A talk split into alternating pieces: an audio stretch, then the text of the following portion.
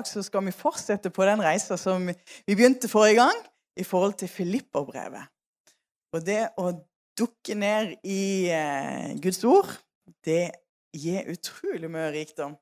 Um, så jeg håper du er klar. Så ha gjerne Bibelen, eh, finn Bibelen fram og slå opp i Filipperne 1. Og så skal vi konsentrere oss om del 2 i, eh, ja, i Filipperne kapittel 1. Og da, Mitt første spørsmål er hvor viktig er Jesus for deg? Hvor viktig er Jesus for deg? Vi ser at Paulus han virkelig har grepet fatt i Jesus. Og Senere i Filippa-brevet kan du lese om akkurat det, hvordan han sier at jeg er blitt grepet av Jesus. Og det gjennomsyrer på en måte hele Filipperbrevet. Det at han er så ja, grep av Jesus. Han elsker Jesus. Og han har fått sett noe så stort. Så uansett hva som måtte være i, i, komme i veien, så tar ikke det blikket vekk ifra Jesus. Og det er jo litt spesielt at det her så sitter Paulus i fengselet. Fengselet i Roma, en eller annen plass der. Eh, og eh, han skriver til filipperne.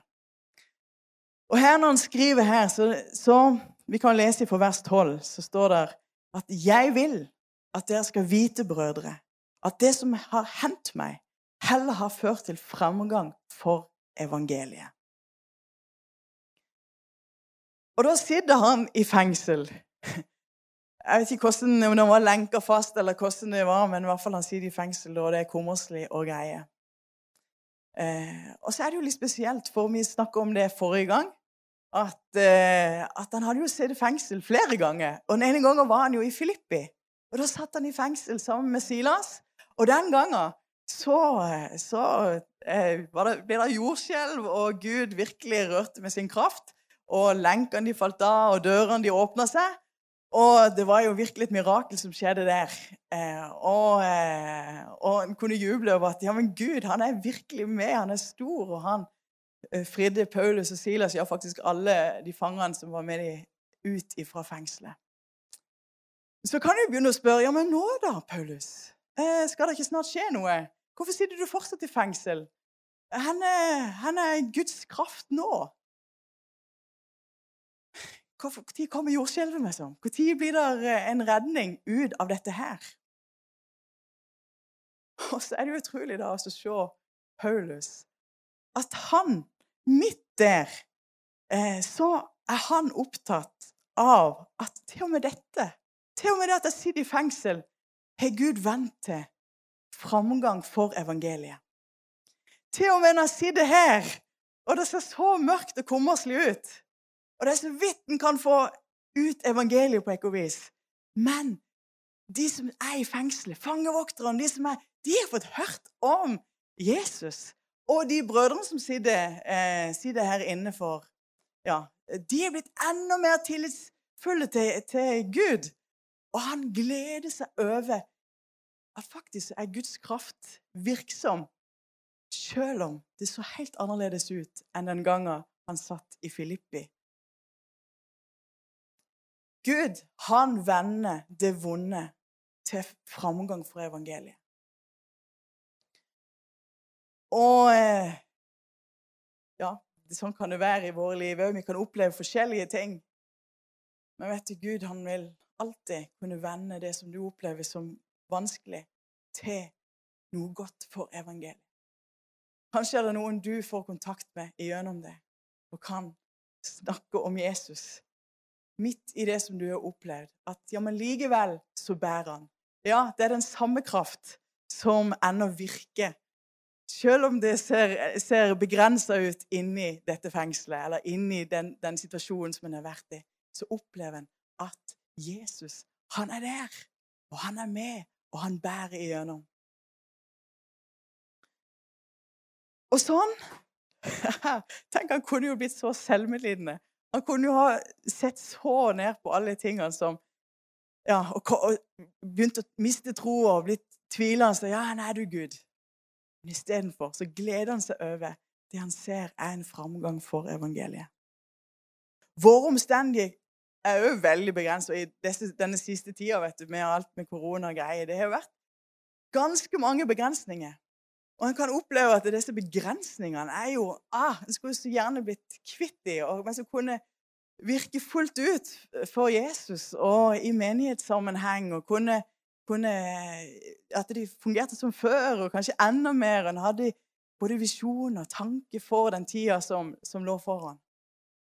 Men jeg tror det er viktig at det òg vi tenker. At selv om vi kjenner oss begrensa, så er ikke Gud begrensa av vår begrensning. Gud, han kan virke midt i det som vi opplever som en begrensning. Så kan Gud virke på menneskets hjerte. Ja, sånn at det, ja, her I den situasjonen med Paulus så var det fangevokterne de som var rundt, de fikk høre om Jesus. Og han gleder seg over det. Og vi kan òg glede oss over at Gud han virker midt i begrensningene. Ja, til og med i begrensningene i våre liv. Mye så lett for å sette begrensninger òg på, på, våre liv. Ja, Vi skulle gjerne ha vært sånn og sånn og vært enda mer åndelige og gjort, vært enda mer frimodige. Og vi har så mange begrensninger. Ja, tenk om vi bare hadde vært litt mer sånn. Og vi kjenner til dette fra Bibelens personer opp igjennom eh, i hele historien. Så har det vært gang på gang folk som Gud har valgt, utvalgt og kalt, som, som hadde begrensninger. Moses hadde begrensninger med å tale. Eh, men Gud sa 'jeg vil bruke det likevel'. Og sånn kom det lista opp en hel rekke med folk som vi gjerne ville ha sa ikke var gode nok, eller burde ha gjort det litt bedre, eller vært litt flinkere til noen ting. Men Gud er ikke begrensa av våre begrensninger. Når Han kaller, så vil Han òg gi oss kraft og styrke til å gå i det som han har kalt dere til. Så det første er ha fokus på Jesus uansett omstendighet. Det neste eh, punktet som jeg vil ta med, det er bare Jesus blir forkynt.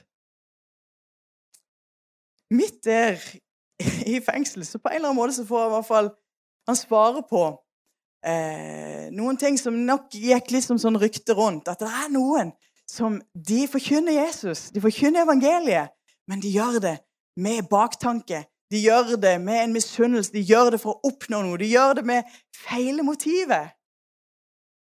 Og en, en, kunne jo tenkt at ja, men dette her ville Paulus virkelig arrestert og satt på plass. Dette må det bli slutt på. Dette må det bli endring på. Dere må gjøre sånn og sånn i forbindelse med det. Altså, blir så berørt av hvordan Paulus midt oppi det tenker La oss lese. Eh, for han gleder seg over eh, at Jesus blir forkynt. Eh, ja, vi kan ta Hva så? Kristus blir i alle fall forkynt, enten det nå skjer med baktanker eller i sannhet. Over dette gleder jeg meg. Ja, jeg vil også fortsatt glede meg. Og det Jeg vet ikke hvordan det er med det, men en kan jo Det talte i hvert fall til meg. At vi kan glede oss over at Jesus blir forkynt. Vi kan ha våre tanker om ja, hvordan stil og hvordan ting skulle være i, når evangeliet blir forkynt. og vi kan ha tanke om, eller i hvert fall mistenke folk for å ha feil motiver, og at de skulle ha vært mer sånn og sånn. Og vi har noen favoritter som vi gjerne heier på, mens andre tenker ah, de er litt på sidelinja, de er litt utenfor. og så kunne du tenkt at ja, Paulus han meg som irettesatte og meg som, ah, dette må du ikke få på plass, og alt sånt. Vi ser jo at det er ganger som han gjør det, men her så, så sier han ja, men hva så? Jesus blir forkynt. Uansett. Og han gleder seg over at Jesus blir forkynt. Jeg tror det er så bra at vi kan ha den holdninga. Når du kanskje tenker at ja, men ungdommene de har litt for eh, ja, litt, Det er litt for høyt, og det er litt for eh, annerledes musikk. og Hvorfor gjør de sånn, og hvorfor gjør de sånn? Nei, men Jesus blir i hvert fall forkynt. En kan tenke, Ungdommen kan tenke å, det ble litt tregt nå. Men Jesus blir i hvert fall forkynt. Å ha den holdninga at vi kan glede oss over eh, storheten i Guds rike. At Jesus faktisk blir forkynt. Nummer tre det å leve er Kristus. Paulus han eh, sier i vers 21 For for meg er det å leve Kristus. Han konsentrerer det så til at men det er Jesus. Det er det Jesus det handler om. Det er Jesus det handler om uansett. Han er kilden til livet. Han er kilden til, til alt. Han kan jeg glede meg over, han kan jeg glede meg i. Han har gitt meg fred, han har gitt meg alt jeg trenger. Og det å ha det fokuset, at det er Jesus det handler om, det er utrolig frigjørende. For uansett hvordan det måtte være i dette livet ja, Om du har framgang, eller om det er vanskelig, eller hvordan det måtte være Så når du har blikket på Jesus At ja, men livet, det er Jesus. Så om jeg om en sitter i lenke eller er fri, om en har, om en, om en er så mye, eller uansett hvordan en har det ja, Men det er Jesus. Livet er i Jesus. Og så kan du kjenne at det er han som gir fred, det er han som gir styrke, det er han som gir kraft, det er han som gir alt vi trenger. Og Paulus er da opptatt av at, alltid, at Jesus alltid måtte bli æra ved sitt legeme, med all frimodighet. Og Han snakker òg om den muligheten til å tjene Kristus, sånn at troen til de som var rundt, skulle styrkes. Jeg vet ikke, Hvor mye betyr Jesus for deg? Hvem er Jesus for deg? Men jeg håper det at ja, og jeg snakker til meg sjøl òg, at Jesus bare skal bli større. At en bare skal få sett mer av hvem Jesus er. Sånn at Jesus bare skal ja, stråle gjennom oss, men òg at han faktisk får den betydninga som, som, han skal ha, som vi kan få lov å gi han. Han har kjøpt deg fri, han har elsket deg, han ønsker å være sammen med deg. Ei som heter Priscilla Shearer, hun eh, talte en tale rundt Jesus. Og da sa hun, oversatt til norsk, eh, hvem er Jesus? Jo, han er den første og den siste begynnelsen og enden. Opprettholderen av skapelsen og skaperen av alt. Han er arkitekten av universet og den beste mesteren. Han har alltid vært, alltid er og vil alltid være uforanderlig, ubeseira og kan ikke utslettes. Han ble slått, men han brakte helbredelse. Han ble nagla, men helbreda. Han ble dømt, men brakte frihet. Han var død, men bringer liv. Han er oppstått for å bringe kraft. Og han regjerer for å bringe fred. Verden kan ikke forstå han. Herrer kan ikke beseire han. Skole kan ikke forklare han. Og ledere kan ikke ignorere han. Herodes kunne ikke drepe han. Nero kunne ikke knuse han. New Age kan ikke erstatte han, og folk kan ikke bortforklare han. Du minner deg sjøl på han er lyset. Oi, han er kjærlighet. Han er evig, og han er herre. Han er godhet og vennlighet og trofasthet, og han er Gud. Han er hellig og rettferdig, kraftfull og ren. Hans veier er rette. Hans ord er evig. Hans vilje uforanderlig, og hans tanke er for oss. Han er vår frelser, vår veileder, vår fred, vår glede, vår trygghet. Og Herre, og han regjerer i våre liv. Jeg tjener Han for det. Hans banner over meg er kjærlighet. Hans åk er ganglig, hans byrde er lett, og hans mål for oss er et liv i overflod. Jeg følger han fordi han er visdommen av de vise, kraften av det kraftfulle, den gamle av dager, kongenes konge og ledernes leder. Hans mål er en relasjon med meg. Han vil aldri forlate deg. Han vil aldri svikte deg, aldri lede deg feil, aldri glemme deg, aldri overse deg, og aldri avlyse din avtale i hans avtalebok. Når du faller, så vil han løfte deg opp. Når du feiler, så tilgir han deg Når du er svak, så er han sterk. Og når du er godt deg vil, så er han veien. Når du er redd, er han ditt mot. Når du vakler, vil han gjøre deg fast. Når du har blitt såra, vil han helbrede deg.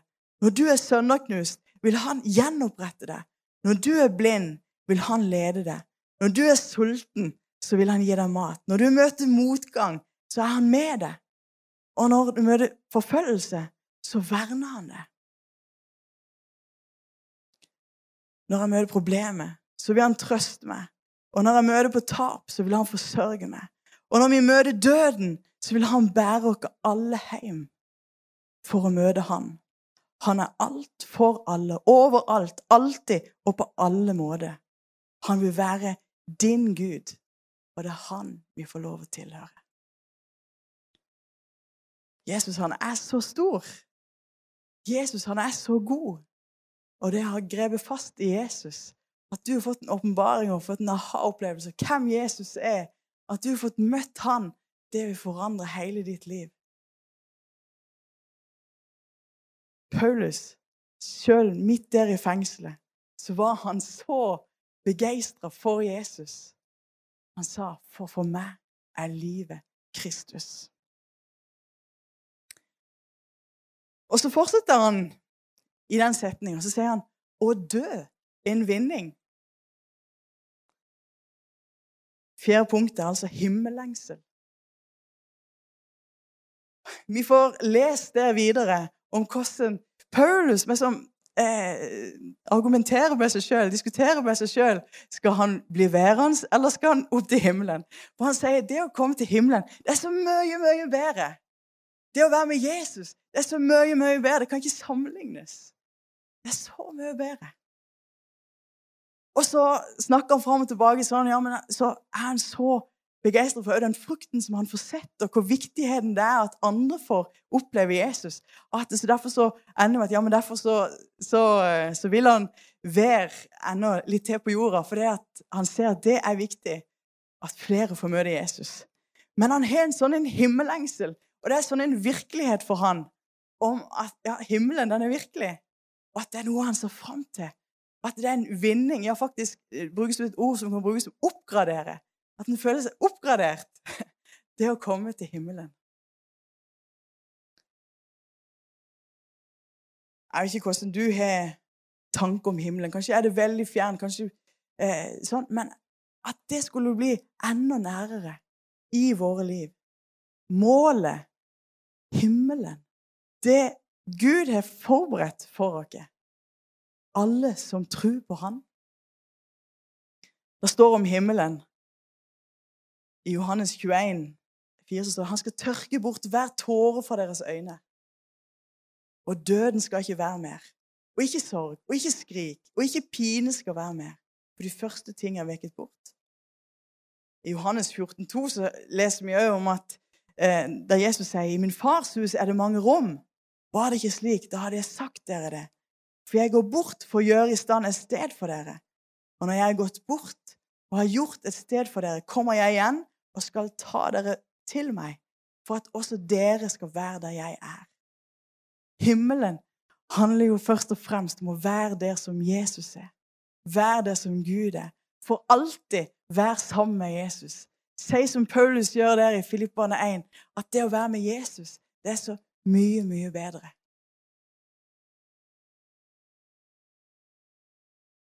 Og vi kan lese òg om hvordan, eh, hvordan, himmelen med gater av gull, og der, der eh, Jesus skal være vårt lys, og ja Hvordan det er farger som vi kanskje aldri har sett her, som er helt fantastiske. 1. Korinterne 2,9 står men det som står skrevet, det som intet øye har sett, og intet øre hørt, og det som ikke kom opp i noe menneskes hjerte, det har Gud forberedt for dem som elsker ham. Forteller her om at det som ligger foran for oss i himmelen, det er så mye mer enn det vi kan forestille oss, enn det vi kan tenke oss. Det er så mye mer. Derfor er det så viktig òg, ja, og derfor var det òg Paulus kunne glede seg, at om de skulle ta livet hans sitt, så hadde han noe som var fast. himmelen i vente. Det var det som var viktig for ham. Det var det han hadde fokuset. Det var derfor det var så viktig å få med seg flest mulig til himmelen. Himmelen. En himmellengsel. Det siste punktet Og der kan vi lese Ja eh, Fra vers 27. Jeg vet ikke om alt kommer med opp i skjermen. men vi ser. Se bare til at dere lever et liv som Kristi, som er Kristi evangelium verdig, slik at jeg, enten jeg kommer og besøker dere eller er fraværende, kan få høre om dere, at dere står fast i én ånd og med én sjel kjemper for troen på evangeliet, og på ingen måte lar dere skremme av motstandere. For dem er det et varsel om fortapelse, men for dere er det et varsel om frelse, og det er for Gud. Og i det har dere fått en nåde, ikke bare å tro på Kristus, men også å lide for ham. Dere står i den samme kamp som dere så meg kjempe, og som dere nå hører at jeg fremdeles har. Og Det står i vers 29 der i det dere har fått en nåde, ikke bare å tro på Kristus, men også å lide for ham. Nåde i denne sammenhengen betyr kraft til å Kraft til å få gjennomført det. Kraft, evne til å kunne gjennomføre det som Gud har kalt den til. Og her så snakkes det om å lide. Ja, men ei, er det ikke noe galt her? Eh, skulle vi ikke, ikke, Er ikke Herren vår hyrde, og han leder dere til hvilens vann og grønne enger? og Skulle ikke dette livet med Jesus bare være veldig bra på alle måter? Jo, det fins så mye godt med å være med Jesus. Så mye velsignelse med å være med Jesus. Men når vi ser opp gjennom historien, så ser en at folk de ble drept for troens skyld. De ble drept fordi de trodde på Jesus. Og da, og da skriver Paulus at de fikk en nåde til å lide for Kristus. Nåde til å tro på og lide for Kristus. Så sier Paulus dette. Vi trenger å stå sammen. Stå sammen for å kjempe for evangeliet. Og det gjelder òg i dag. Det er så mye kamp i forhold til evangeliet, og vi trenger å stå sammen. Vi trenger å stå sammen i forhold til evangeliet. Kjempe for evangeliet sammen. Ja, mange i historien har blitt forfulgt, de har blitt torturert, de har blitt drept for, at de trodde på Jesus alle de første apostlene de opplevde det, bortsett fra Johannes. Han ble bare kokt i olje. Eh, men overlevde det på mirakuløst vis. Og eh, sånn er det opp igjennom så mange som har gitt sitt liv fordi at Jesus har blitt det viktigste for dem. Så ser vi det òg i dag, at mange de i, i dag i verden i dag så lider de for Jesus. Åpne dører har jo nettopp kommet ut med en ny liste eh, og statistikk over hvordan det var i 2020. Og, eh, og der, der, står det f.eks. at hver dag så blir 13 kristne drept pga. sin tro. Det utgjør nesten 400 hver måned. 86 kirker blir hver dag angrepet. Eller ikke hver, dag, hver uke, unnskyld. Blir angrepet. Én av åtte kristne lever i områder med høy eller svært høy grad av forfølgelse. Det er snakk om 309 millioner mennesker som lever eh, i sånne områder eh, av kristne. 309 millioner kristne som lever i de områdene.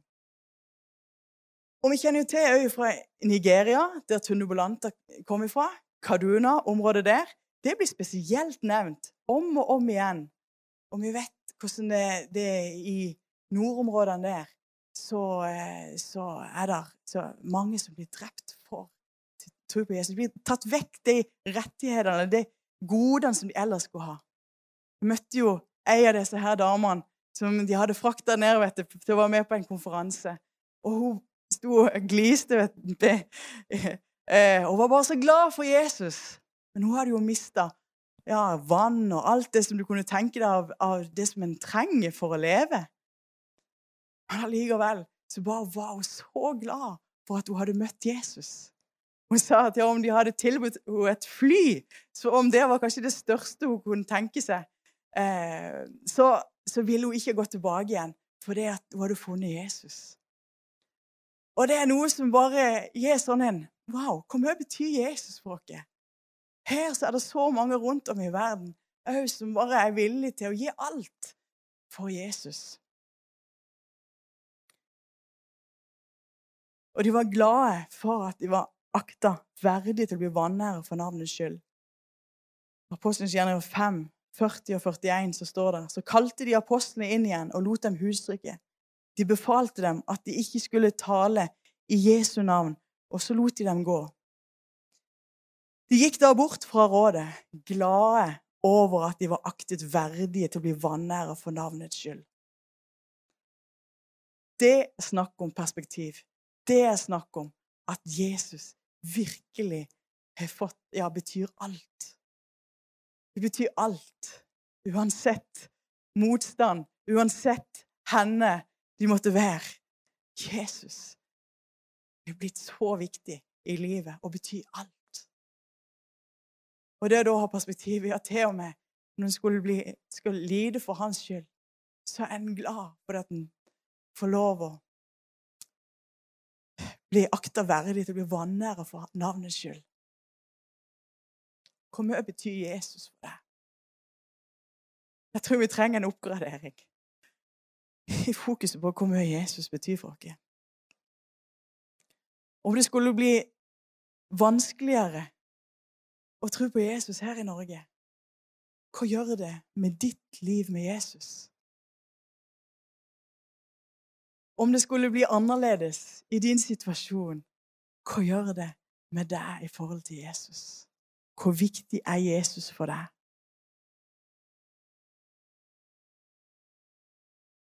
Takke deg, Jesus, for at du har gitt dere alt vi trenger. Du har gitt dere, du har frelst dere, du har gitt dere alt. Og Jesus, bare be her om at du bare igjen må vise din storhet for oss, vi kan bare se hvor stor du er, hvor fantastisk den kjærligheten du har til oss, er.